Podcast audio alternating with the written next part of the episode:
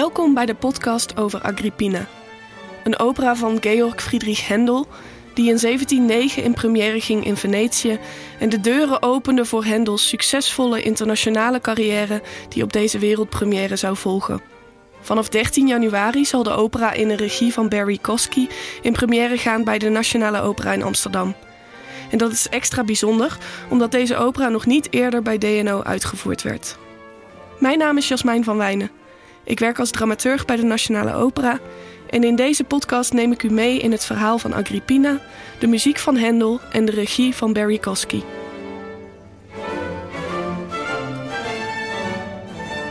Handel schreef Agrippina als jonge componist in Italië. Het Venetiaanse publiek was bij de eerste reeks voorstellingen in 1709 door het dolle heen. Het theater waar Agrippina in première ging, het Teatro San Giovanni Grisostomo, was eigendom van de familie Grimani. Kardinaal Vincenzo Grimani wordt om die reden naar voren geschoven als librettist van Agrippina. We weten niet helemaal zeker of hij daadwerkelijk de librettist was, maar aannemelijk is het wel. En buiten kijf staat dat dit enige libretto dat ooit speciaal voor Hendel werd geschreven, gelijk ook een van zijn beste is. Hendel en zijn librettist baseerden hun sluwe hoofdpersonage op de historische figuur Julia Agrippina. Zij werd in 15 na Christus geboren als dochter van Germanicus en Vipsania Agrippina. Ze trouwde met keizer Claudius, tevens haar oom, en had er alles voor over om Nero, haar zoon uit een eerder huwelijk, op de troon te installeren. Dat liep alleen slecht af. Aan haar leven zou uiteindelijk in opdracht van diezelfde zoon een einde komen. Dat laatste, tragische deel van haar leven wordt niet verteld in Hendels opera. Hij eindigt het verhaal op het moment van haar overwinning, van Nero's kroning tot keizer van het Romeinse Rijk. Of er daadwerkelijk sprake is van een happy end, met overwinnaars en verliezers, wordt in de productie die u bij de Nationale Opera kunt gaan zien in twijfel getrokken. De figuren in Hendels opera zijn historisch, maar zoals altijd is en blijft Agrippina een opera. Een kunstwerk waarin de fantasie tot op zekere hoogte ook vrij spel heeft gekregen. Het verhaal van de opera gaat als volgt. Wanneer Agrippina, de vrouw van de Romeinse keizer Claudio, verneemt dat haar man dood is, weet ze wat haar te doen staat. Haar zoon Nerone moet hem opvolgen. Ze overtuigt Palante en Narciso, die beide een oogje op haar hebben, om haar te helpen.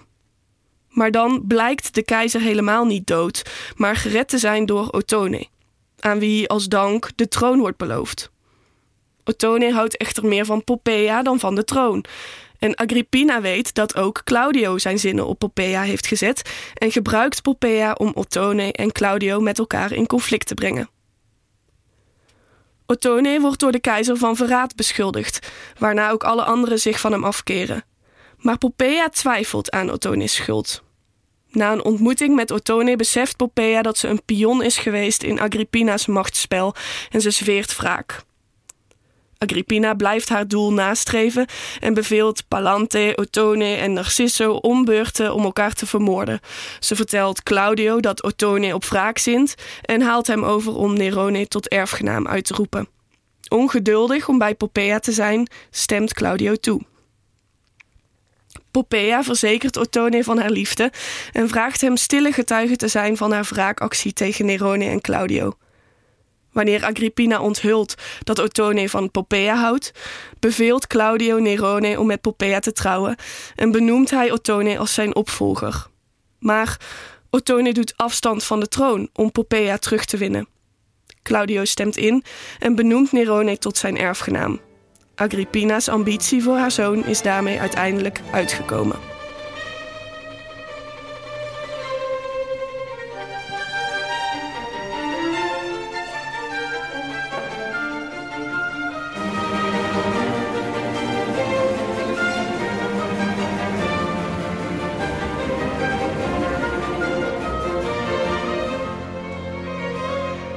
Wel vaker het geval is bij barokopera's, klinkt ook het verhaal van deze opera weer ontzettend ingewikkeld.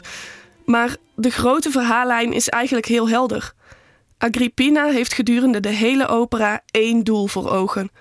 Een doel dat gelijk in de eerste minuten van de opera duidelijk wordt als zij haar zoon toezingt: Nero, beminde zoon, je geluk ligt voor het grijpen.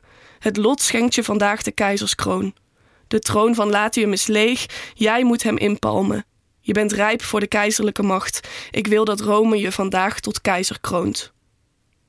Het is niet voor niets dat de opera haar naam draagt. Agrippina is de speel van het verhaal. Als een marionettenspeler bespeelt zij alle personages om zich heen om het verloop van het verhaal naar haar hand te zetten. Vanaf het begin van de opera weet zij hoe zij wil dat die eindigt. Ze manipuleert, chanteert en bespeelt haar medepersonages als pionnen op het speelveld van haar eigen meesterlijke machtsspel. Als een soort curlingmoeder ver avant la lettre veegt Agrippina zo de weg naar de troon vrij voor haar zoon.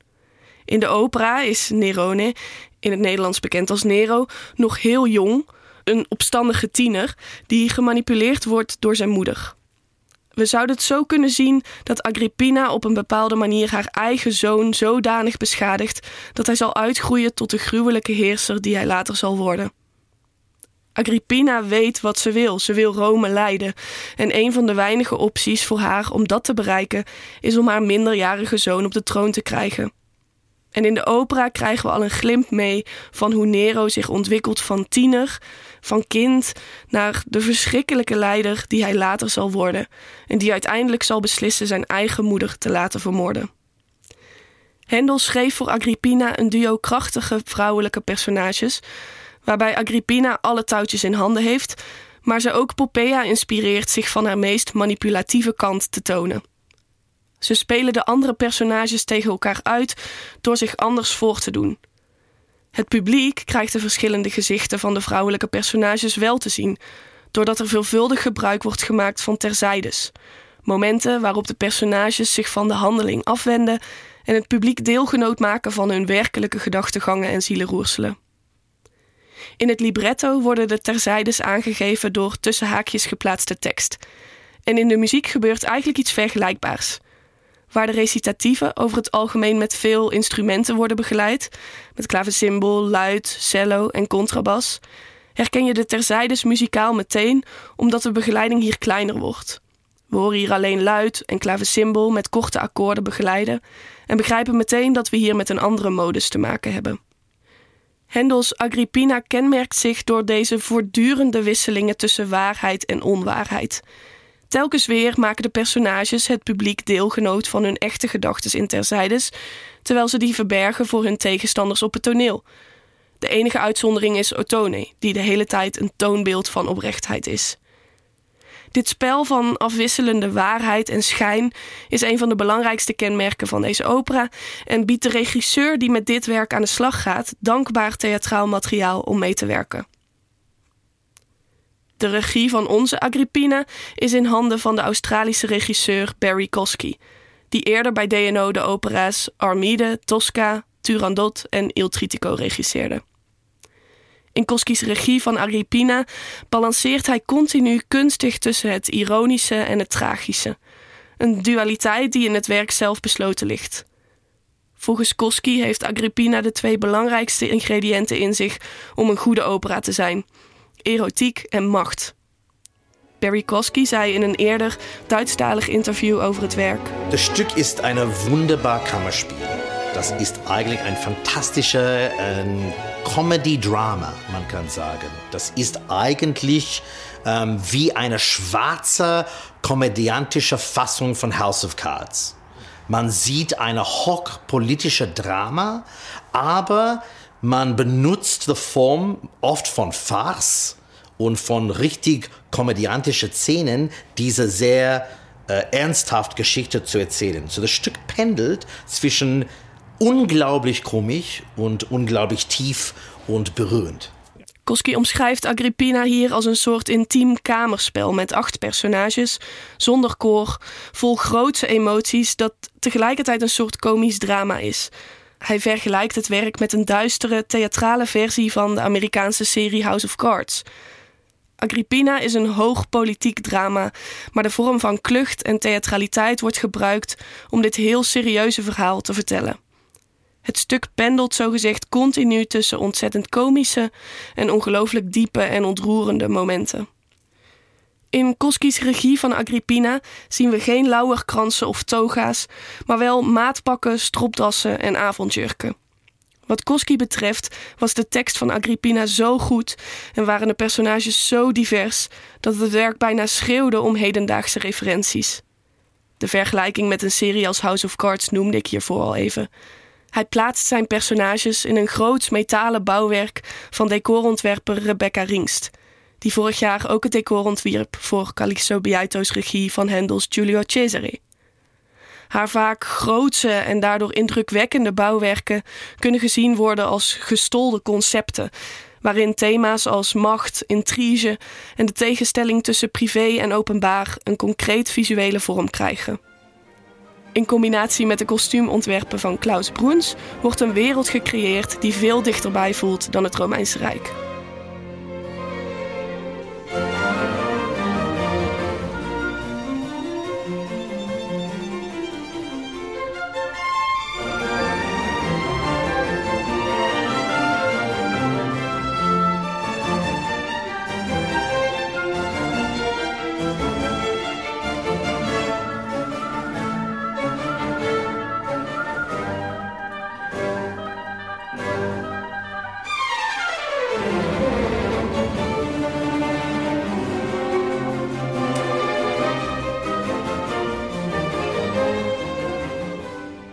De van oorsprong Duitse componist Hendel schreef zijn Agrippina nadat hij enige tijd in Italië had verbleven, om daarvoor Italiaanse opdrachtgevers te schrijven. Nadat zijn Rodrigo in 1707 in Florence in première was gegaan, was Agrippina zijn tweede Italiaanse opera die in 1709 in Venetië het licht zag barokspecialist Ottavio Dantone neemt voor de uitvoeringen in Amsterdam samen met zijn eigen barokorkest Academia Byzantina de muzikale leiding op zich en vertelde in een eerder interview dat Agrippina bij uitstek een Hendelopera is, waarin je zowel zijn Duitse achtergrond als Italiaanse beïnvloeding duidelijk terug hoort komen. Yes, I said uh, the music of Agrippina is um, is very is fresh. I think it's the perfect opera uh, when we can see how the Italian ex experience of Handel in Italy conditioned his uh, writing. But at the same time, he conserved his uh, formation, German formation. For this, the, the music of Handel is so special because uh, there is a lot of Italian suggestion, but uh, he has a own language very clear, very recognizable. And this is one of the, the composer more recognizable. This is Enders, it's obvious. But the style absolutely is start from the Italian uh, way. Agrippina behoort tot het barokrepertoire, conform de tijd waarin het werk tot stand kwam. En behoort specifieker tot wat nu de opera seria wordt genoemd. Letterlijk vertaald serieuze opera. In Hendels eigen tijd werd het genre drama per musica, drama op muziek genoemd. Een benaming voor de opera's van Monteverdi tot Mozart, die vaak gebaseerd zijn op gebeurtenissen uit de Grieks-Romeinse mythologie of geschiedenis. Zo ook is bij Agrippina het geval. Het stuk is gebaseerd op historische gebeurtenissen rond de figuur Julia Agrippina.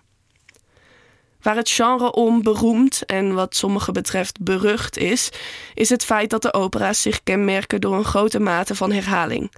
Ze bestaan hoofdzakelijk uit twee elementen: aria's en recitatieven, en sporadisch een duet of koor, waarin in de recitatieven het verhaal voortgestuurd wordt en in de aria's één gedachte of gevoel nauwkeurig wordt uitgewerkt, met weinig tekst en veel muzikale expressie. Ondanks hun tragische karakter kennen veel opera-seria's een over het algemeen heel plots happy end, een lieto fine waardoor de pijn verzacht wordt en de toeschouwers opgelucht naar huis kunnen keren. De meeste aria's in opera seria's zijn zogenoemde da capo aria's. Da capo betekent letterlijk vanaf het hoofd en het zijn aria's die bestaan uit drie delen. Een A-deel, waarin een bepaalde gedachte of een bepaald gevoel wordt bezongen in een uitgeklede melodische lijn. Een B-deel, waarin een contrasterend idee of gevoel wordt bezongen en een herhaling van het A-deel, waarin de tekst en melodie van het A-deel worden herhaald en uitgebreid worden voorzien van versieringen. Deze structuur is duidelijk te herkennen in een van Agrippina's bekendste aria's, Pensieri voi mi tormentate.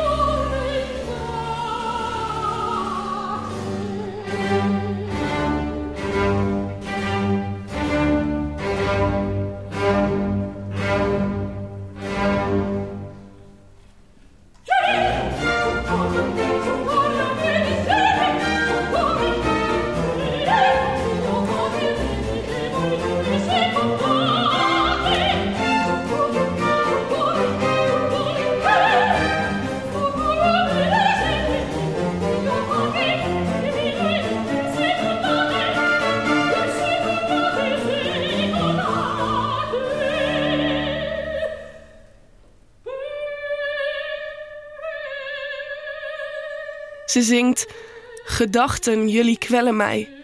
Hemel, steun me in mijn plan. Zorg dat mijn zoon de macht in handen krijgt en jullie, goden, sta hem bij. De muziek waarop de woorden van het A-deel Gedachten, jullie kwellen mij gezongen worden, klinken ook daadwerkelijk als een kwelling. Terwijl de woorden van het B-deel Hemel, steun me in mijn plan ook muzikaal een veel daadkrachtiger en doelbewuster karakter hebben. In deze aria zien we het personage Agrippina alleen op het podium, gekweld door haar emoties.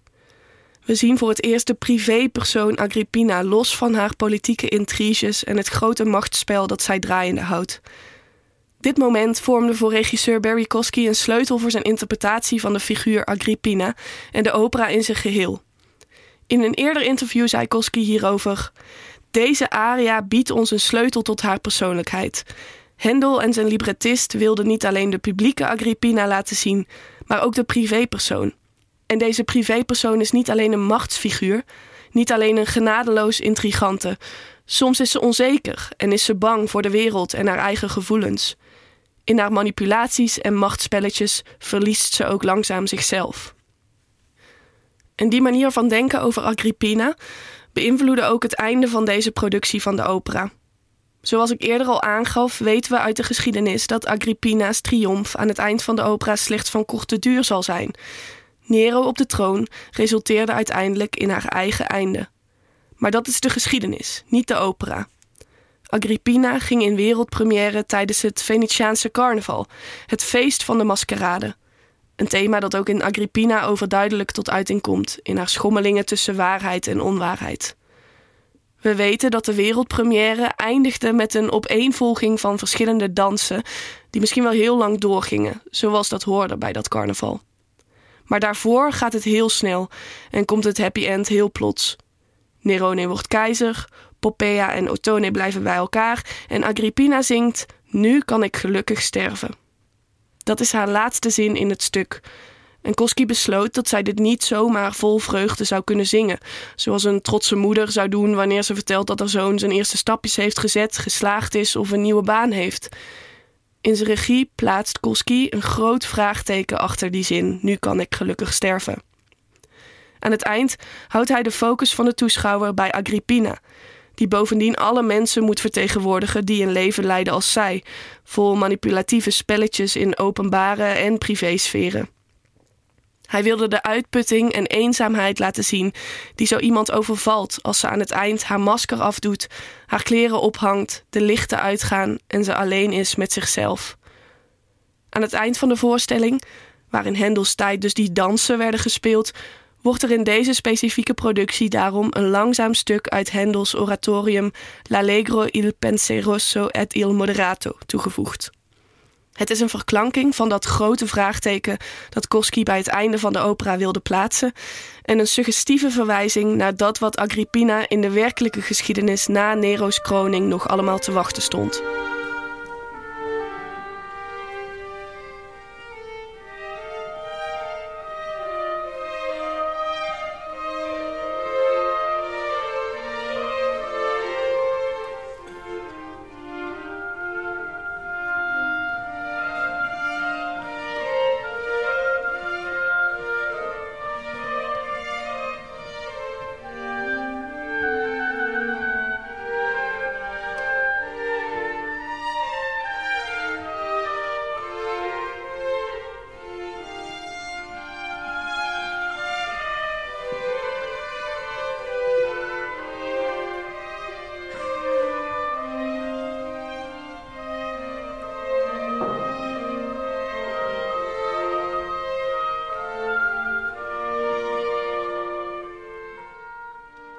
Agrippina in regie van Barry Kosky en onder muzikale leiding van Ottavio Dantone is vanaf 13 januari te zien bij de Nationale Opera.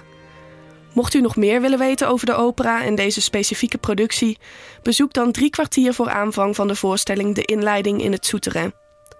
Ook in het programmaboek, dat in onze foyer te verkrijgen is, vindt u meer informatie. Deze productie ging eerder al in première in München, Londen en Hamburg. De muziek die u in deze podcast hoorde, komt uit een opname van de première in München. De muzikale leiding was toen in handen van Ivor Bolton en Alice Coote vertolkte daar de rol van Agrippina. In Amsterdam zal de Franse mezzo-sopraan Stéphanie Doustrak in de huid van de meestermanipulatrice kruipen. Hopelijk tot ziens in Nationale Opera en Ballet.